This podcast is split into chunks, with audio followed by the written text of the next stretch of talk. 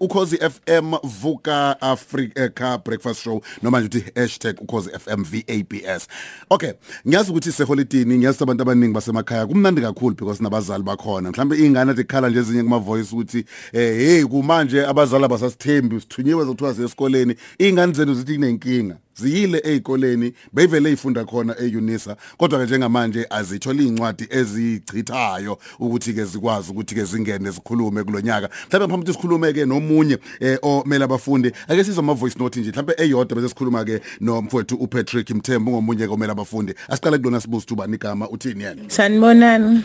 Enye into esihlupha eUnisa abaphathi bethu abasithembisa ukuthi bazosilwela.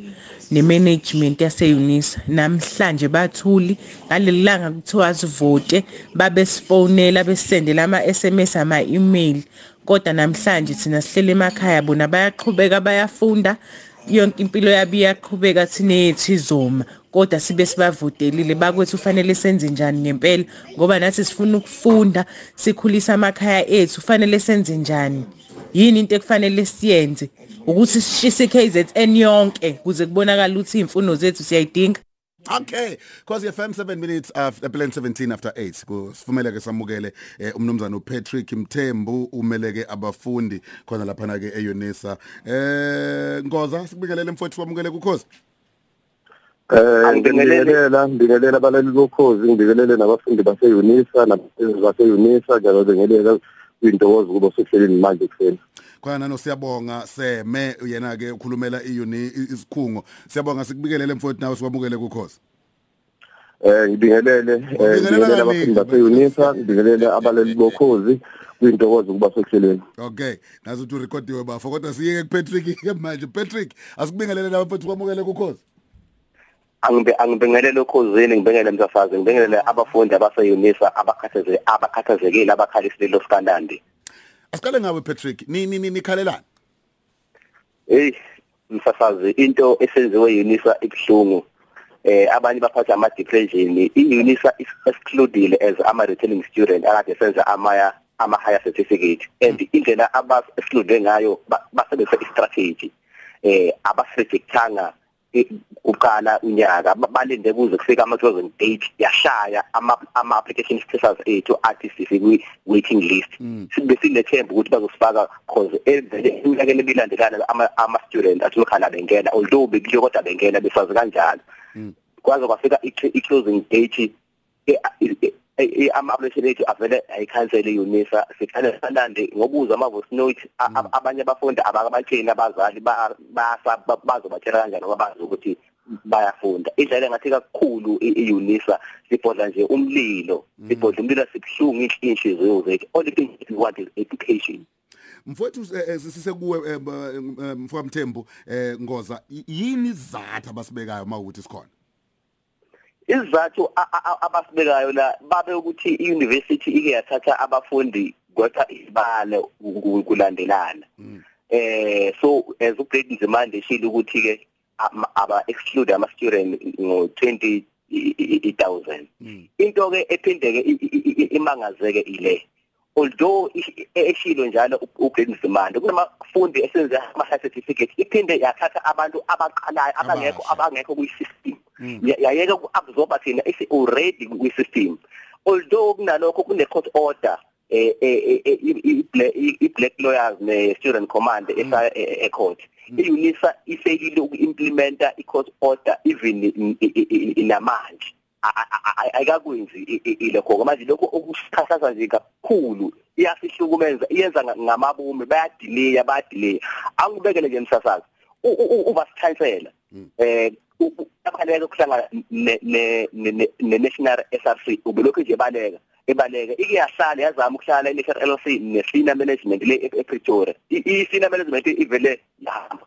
Asasa ama National SRC ngathi adle ukhari we-senior management bayasaba nokukhuluma abakhuluma lutho. Uma sebuza abakhulu abakhuluma lutho kuze kwaba abafundi abakhetha uWhatsApp group base beletha umfufo kaGiwa opresident no kwathi kahlahle kwenzakalani? Why ningasiphenduli nina nithula kanje? Kwazi bathi no ongenani asiye kwi-Twitter si si- si hashtag si- si- hashtag unisa management ukuze sithole i- i-attention ikapuleke Bane banele banibona ni trend ku Twitter bayikhani be- beniphendula Ah, u- ah, no uplan is so arrogant ingayitshela usesunempakamo yo yo yo yo yo A- akafuni nakuza uyasiblithika nosepuka all sina management sesithagile uyayitshena u- unempakamo I- Alright. khona le video. Umthembu. Alright kwaza ibambe kanjalo ngoba sinaye umuntu ophuma e- e- e- esikoleni. Seme as- asikene kuwena mfowethu hayi abafundi bathi aninzi kahle. Eh ngibonge ithuba lokuthi sikwazi ukuthi siphendulele njengesikhungo saseyunisa eh okokuqala nje umsakazi engakubeka ukuthi kusiphatha kabuhlungu nathi siyisikhungo ukuthi abafundi bahlukumezeke. Abafundi siyabathanda kakhulu and konke esikwenzayo e-university sikwenza in the interest of the students. Abafundi ibona abahamba phambili. Kuwo wonke kwenziwa yi-university eh u- ulokhuzana omfowethu la lokhu kade kubeka ukuthi eh kunabafundi mhlawumbe kade benza ama-higher certificate abangalikhuziwe abangathathwanga. Eh saxolisa kakhulu ukuthi kunesimo esikanjalo. Kodwa-ke engithanda ukubeka kuqaqe ukuthi mangabe wenza i-higher certificate eh uye futhi u-apply u-applyele ukuthi manje wenze le degree ofuna ukuyenza. Mangabe u-apply kusengekho guaranteed ukuthi ene uzothathwa so ku- ku- kuyasihlukumeza nathi kakhulu lokho. Kusiphatha kabuhlungu ukuthi khona abafundi bagcine bangayitholanga ikhala. Eh uvice chancellor wethu umphathi wesikhungo uyahlangana nabafundi. Uyahlangana ne-SRC national ngoba ngikhuluma nje eh ngomhla ka-30 lesihlanu lesiyakulona namhla eh, kuleli khuzana eh, kuleli sonto uvice chancellor uzobe ehlangene.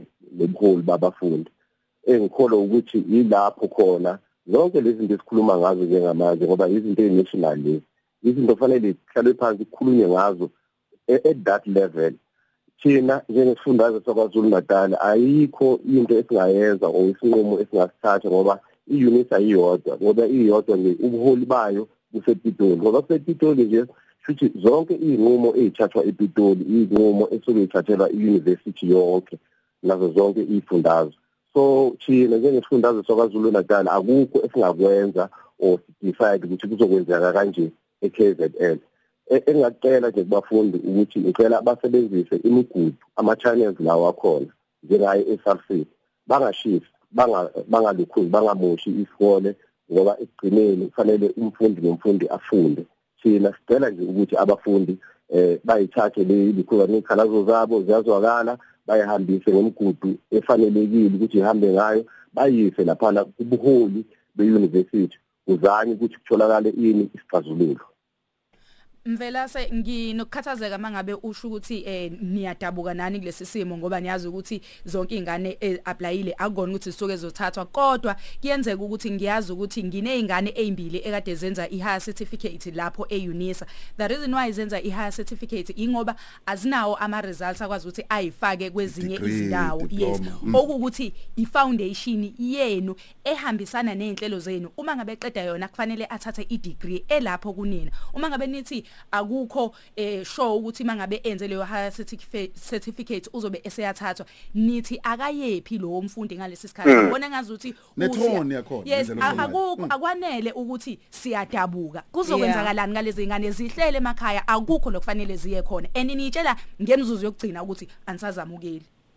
Ungaphendula mfoka Sem kuyazwakala kuyazwakala. Kodwa-ke eh kubuhlungu nathi siyakhathana nabo abafundi laba asuke bengathathwanga kodwa-ke i- ngoba ngishilo nje ukuthi iy'nqumo zonke zithathwa kephi e-head office. And ngoba ithathwa e-head office nje akukho thina njengesifundazwe sakwazulu natal ngikhuluma nje abafundi esinabo la kwilukhuzane kwisikhungo esala e-KZN we've got about 84000 students abarejistiwe already. Ngaleyo ndlela ukuchaza ukuthini sizamile ukuthi iy'namba ziphusheke ngale ndlela ngoba mawubheka nje ngonyaka odlule we had about 70000 students kodwa kulo nyaka i- i- inamba yama-students arejistiwe um la ef- esifundazweni sakwazulu natal sinyukile kakhulu. Abafundi umfundi nomfundi mangabe enza i-higher certificate mangabe ese-articulate efuna ukwenza i-degree uya-aplya mangabe u-aplya your application is not guaranteed ukuthi ena uzothatha. Eh uma ukuthi ene umfundi Ah, ugcine Babusema, engangenanga Babusema. kulonyaka Eh, Mthembu mana kancane Mthembu mana kancane usakhuluma usem yabo eh, umfundi u- unalo ithuba lokuthi aphinde apply ngonyaka ozayo. Eh mokuthi akathatha kulonyaka angaphinda azame futhi ukuthi alukhuze applyele eh, u- u- Shuthi unyaka ancinti- le esiya kuwona. ancintisane naba nabakade benza umatric eh kuyiqiniso lokho ngoba phela nalabo abasebenza umatric ngokuthi uma uqeda umatric fanele nabo ba ba- ba- ba- ba- bathole ikhala kodwa ke yena ngoba usene high certificate amathuba akhe ukuthi athathwe maningi. I- I kodwa wonder- akekho guaranteed ukuthi uzothathwa Okay babuseme ngifuna ukuya kumthembu ngoba simbambe e- e- efuna ukusho but i wonder ukuthi benizobe ngicula icule elifanayo yini if beyingekho lento eniyithole kumhlonishwa uBlade because i'm sure benizobe niyilambele lezi ngane niyifuna ukuthi izongena boss iqiniso lithi make ngaqala ngangena ngenza loyo higher certificate ingoba ngifuna i degree ethile mfowethu bufuna ukungena lapha eh, wemvelasa cha a- a- abo ngiqale ngale ngoba e- e- ekhuluma nje kahle kanje ngiqale nge- ngale kaPulen uvice chancellor wase UNIF eh i- i- i-council bekumele ihlangane e- e- ePretoria. U- ube u- ubeyazi ukuthi ochairperson bama region bama provinces bazobe bese Pretoria lapha nje eKZN ube khona uche ulungi ubeyilele ePretoria. Uvice chancellor azi ukuthi kule meeting kumele ihlale. Wagijima wa- wabaleka waya e- eyohlangana n- n- nalapha e- e- empumalanga. Leyo meeting igcine i- i- i- i- i- ingahlalile noma uthi ngeke sithathe inqubo ngekho ubani ngekho ubani they are- they are playing us akusibiyele yama lama high certificate ngaphambilini ngaphambilini bejwayele ukuabsorba already akekho umfundi obesala okwenza i certificate akekho bengathathwa eminyakeni i- ilandelana bebekuzama bisheshe ile initial SLC bebethathwa awungikhuluma next year last year ama application awavulwanga kodwa ababenza i certificate basendela ama link through u- u- u- u- my life uma life baba accepta bafunda lokhu exclude ama certificate kuyaqala kulonyaka kanje awukwazi futhi ukuthi thina siyi product yase unisi yithi university ezosithatha nge product yase unisi ibona abaqanda kangcono i system siyayazi A- a- abathatha abeke ukushona lekushonale isikhathi siyisekhona Okay. bese aqala ngoba ubhuti qinisile ukuthi i- i provincially vele a- a- a- a- a- ayazi lutho nakho ngelinyanga sokhuluma ukuthi nawo i- i- i- lezinto lezi lama region kumele ayimele ukuze sikwazi ukuthi kukhonda amanye ama poli ama policies although i- izoba khona i- i- okay i- i- i- manake ePretoria. Mthembu- manake mthembu i- ku- ingabe mhlambe benikwazi kulokhu nibatshela abafundi ukuthi ukuhamba kanjani noma mhlawumbe eh, benibasha nje ngemfa iphindiwe eh, ukuthi cha ba- eh khona ningxoxweni nazo phakathi kwenu ene management eh noma beningasatholakali noma benibanikeza mhlawumbe okungayilona iqiniso njengoba bekhala kangaka bethi is- bagcine sebeyithola eh, sebethukwa eh, inina njengabantu be-SRC yabona i-national SRC yethu ne-SRC yama yama region idlale ngathi kakhulu. Eh mina I'm- not an SRC sihlangane nabafundi abenza certificate ku WhatsApp group. Sathi no labantu aba abas-update nothing abas-update kule WhatsApp group sasabiza upresident wethu ugiwa. Sakhuluma nathi no ndoda kwenzakalani we send emails even ukuthi kwenzakalani why singa singakhulumi ugiwa wa- wa- wangi-inboxa wa- wangitshela ukuthi hey wendoda ngiyasaba bazongisuspenda labantu njengamanje simobilizile ubasithansela uyobe e- e- e- ese-sunside sesimobilize ama-student lapho kumele e- e- e- e- e- e- e- eye khona ayovalela ubasithansela odemand ama-offers ebeke i- ikhalo zabo bayasaba angazi noma sebedle ukhari lodlo amagupta asazi basabi sobanyoka batholi even uchewa la ithini esesilwa esilwayo. Bese siqala nje i-hashtag ukuthi teacher senior management sizama ukuthega omalema owolomisa sizama ukubathega bonke ama-high profile politician siyazama ngayo ke siyilwela thina bona bathule. Uma kodwa semele kuvotwe bagijima kushoda khona bethatha ama- amafuthi amafuni bezivokise ngenkani. Badlale ngathi kakhulu bene management yase e-unit ngizocela nje isicelo ukuthi abantu abasethwana ama student a- a- awaye e-Sunside campus bazobe khona abafetha abazobe be- be- be- belapho ke esesikhulumile nabe sesizamile ukubathola aba- abazoba khona. Ngiyabacela bonke abahlala ePretoria Gauteng bebe khona ilapho ukuze silwele ngoba i-SRC icisha khuluma okungafaneleki emsakazweni. Alright. Mfethu usho njalo ke umfundi sicela kumdedela uPatrick okwamanje because FM bese siphetha ke eh, nosiyabonga sema ngoba nakho imoya ngiyibona iya ngokuya phakama. Hlama sikhubuza nalokho ze FM ukuthi udaba lithinta ke abafundi bekade bevele befunda eh kwi Unisa eh okay bapheka uzacabanga ukuthi konje bekum kanjani. So abaningi bakhala ngalokho ke. Nakho sesiyacaca abafundi sebeyisukumele bona bayimele bayibambela lokho ngoba bakholelwa ukuthi iSRC nokumkhandlo mele abafundi awusaba safe. Babuseme ngicela ukudlala into eyodwa eyi voice note yomunye umfundi bese ngizwe impendulo yakho ukuthi uthini kuloko hayi sanibonani enye into esihluphayo eUnisa abaphathi bethu abasithembisa ukuthi bazosilwela nemanagement yaseUnisa. Namhlanje bathuli ngalelanga kuthiwa sivote babe sifonela besendela ama SMS ama email kodwa namhlanje thina sihlele emakhaya bona bayaqhubeka bayafunda yonke impilo yabo iyaqhubeka thina yethu izoma. Kodwa sibe sibavotelile bakwethu kufanele senze njani ngempela? Ngoba nathi sifuna ukufunda sikhulisa amakhaya ethu kufanele senze njani? Yini into ekufanele siyenze? Ukuthi sishise iKZN yonke kuze kubonakala ukuthi imfuno zethu siyayidinga? 832 bathi language enizwayo ngiyazi ukhuluma ngeSRC kakhulu la emfokaseme eh uthi ilanguage enizwayo nina ile mbhikisho egcinini odlama Eh mntaka baba into engayisho nje yokuqala ukuthi eh sinxuse abafundi ukuthi bangaze benze izinto ezifana nalezo kube imbhikisho nodlame.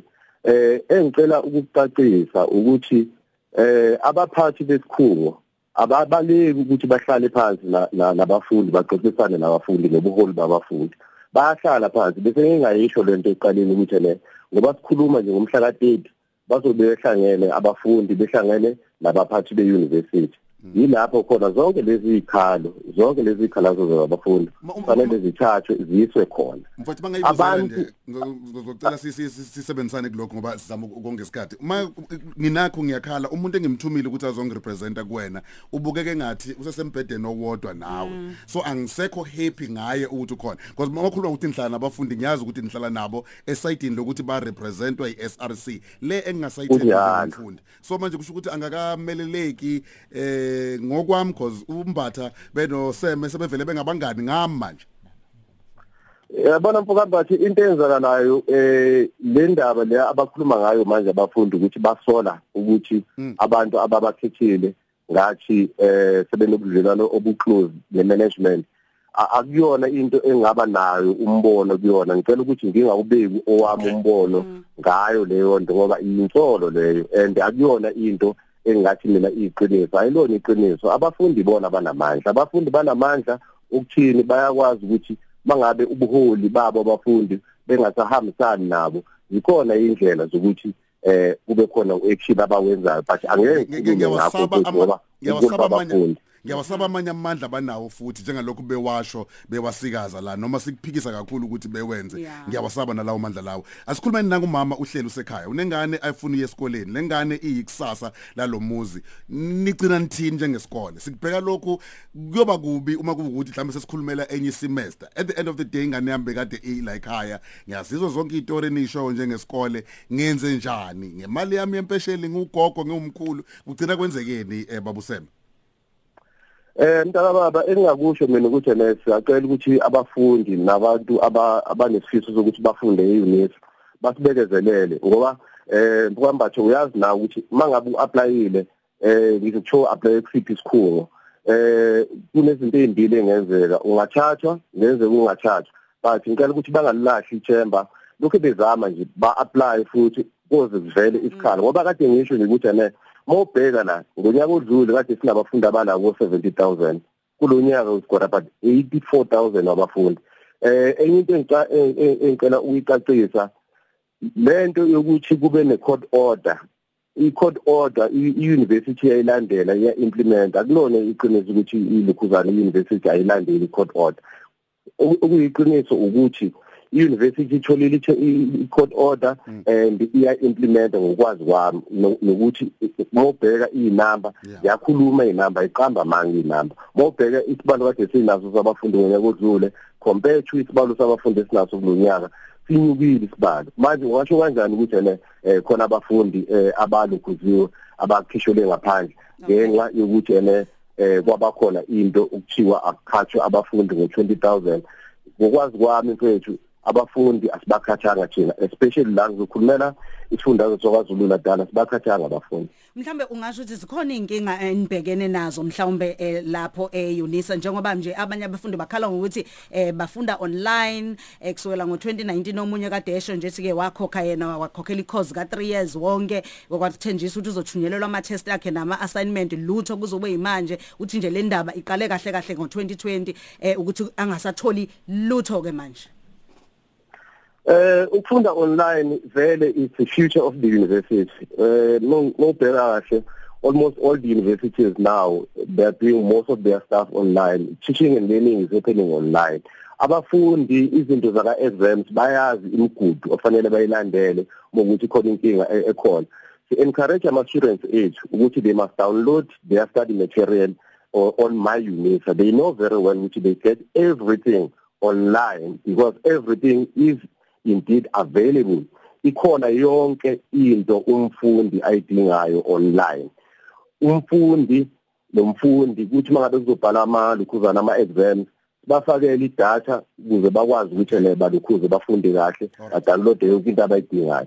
So lo mfundi mhlawumbe in- inkinga yakhe la athi ubhekene naye ngakuhle ukuthi Anti- ayithumele. Khona i-email address ithi queries.kzn@unisa.ac.za that email address i-addressa wonke ama- usayikhipha nje mfoka mfoka sema usayikhipha nje ingenye ama emails ami ngeke ngiyisebenzise. Asikhulume iqiniso ayiphenduli ngokukhulu ukushesha but sobuye sikhulume lokho ngelinye ilanga siyokuforwardela ama details alendaba ngicela uphinde ngibuyele futhi ngokukhulu ukuyithoba.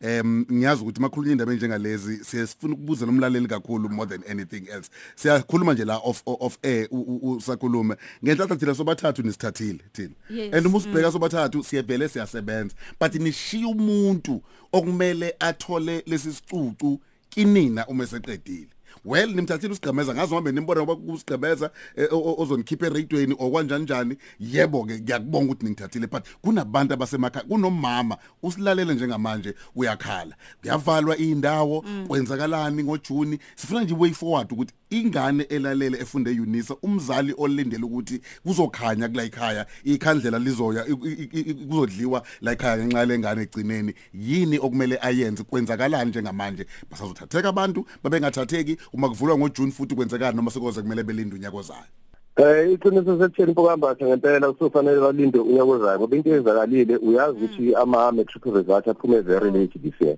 Yo. Bayiphuma very late into eyenzakalile labafundi abaregistrile manje baregistrele for both first and second semester. Kuzobhala ama exam ngo eh, September November ama exams ka ka- ka first and second semester. abafundi sokuze bethole ithuba lokuthi ba- ba-apply bangene eUnisa ngonyaka ozayo mawukuthi ene eh, aw- aw- awukwazanga ukuthi sithole isikhala njengamanje eh kuthiwa akulahlwa ndeleyo ngakuphela eh umfundi akabe na or umuntu ofisa ukufunda eUnisa akabe nalo ithemba lokuthi akaphinde azame futhi akwazi ukuthi angene ngonyaka ozayo macabanga zoboya? Okuba buhlungu ukuthi omunye apply angayitholi into ayiapplyele kufike okunye kuthiwa hayi unga- ungasalisa uthatha lokho Alright, Hey, asambe. ezinye izinto lezo. Asivele 839 cause ngiya family lokho zisibheke indabeni zehora lesisheka lolunye sevalelisa. Kunama tweets amaningi nama comments amaningi eh akhona khona omunye osebenze yodisa umngani wami uthi hey wasishaya mbatha asikho ke lapha. Sicela ukulalela ama voice note ukuthi ithini ingane zakhona nama tweets. Eyi, Kunzima kakhulu. yeah. Ibhlungu kakhulu lento bafethu yazi ukuthi aku understandeki noma akuqondeki indlela lento eserious ngayo. Mawubheka ukuthi ekhaya lami mina kamachi lalingekho ithemba ngaphambi ukuthi kufunde mina. Yeah. kodwa ngoba ngakwazi ukuthi ngiyofunda eDUT kwase kuba khona lelo lelo themba nempela ngafunda ngaqeda ngakwazi ukuthi ngithole itoho Yeah. saphila ekhaya. Into esesiyenza manje eyokuthini? Angifukule nabanye. Nabanye.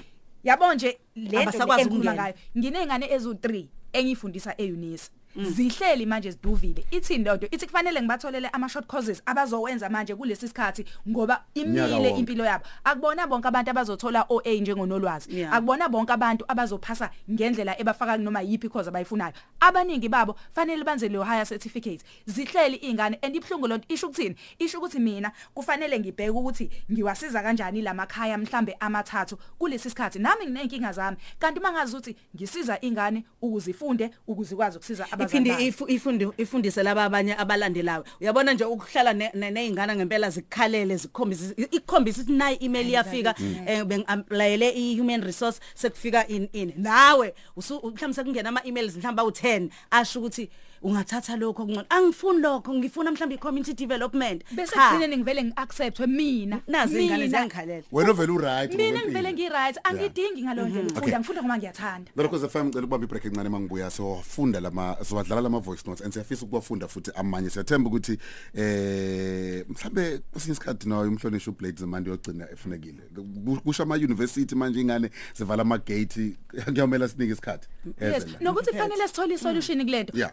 Fanele at some Mina point ngi- iUnisa ingasho ithi kulonyaka noma kulonyaka ozayo ngesize sibathathe mhlambe aba fresh or aba ngoba kufanele isolve lento ngoba Yeah. into ezokwenzeka na next year lezi ingane ezobe apply Ngiduve nazo ingane lapha. already Okay.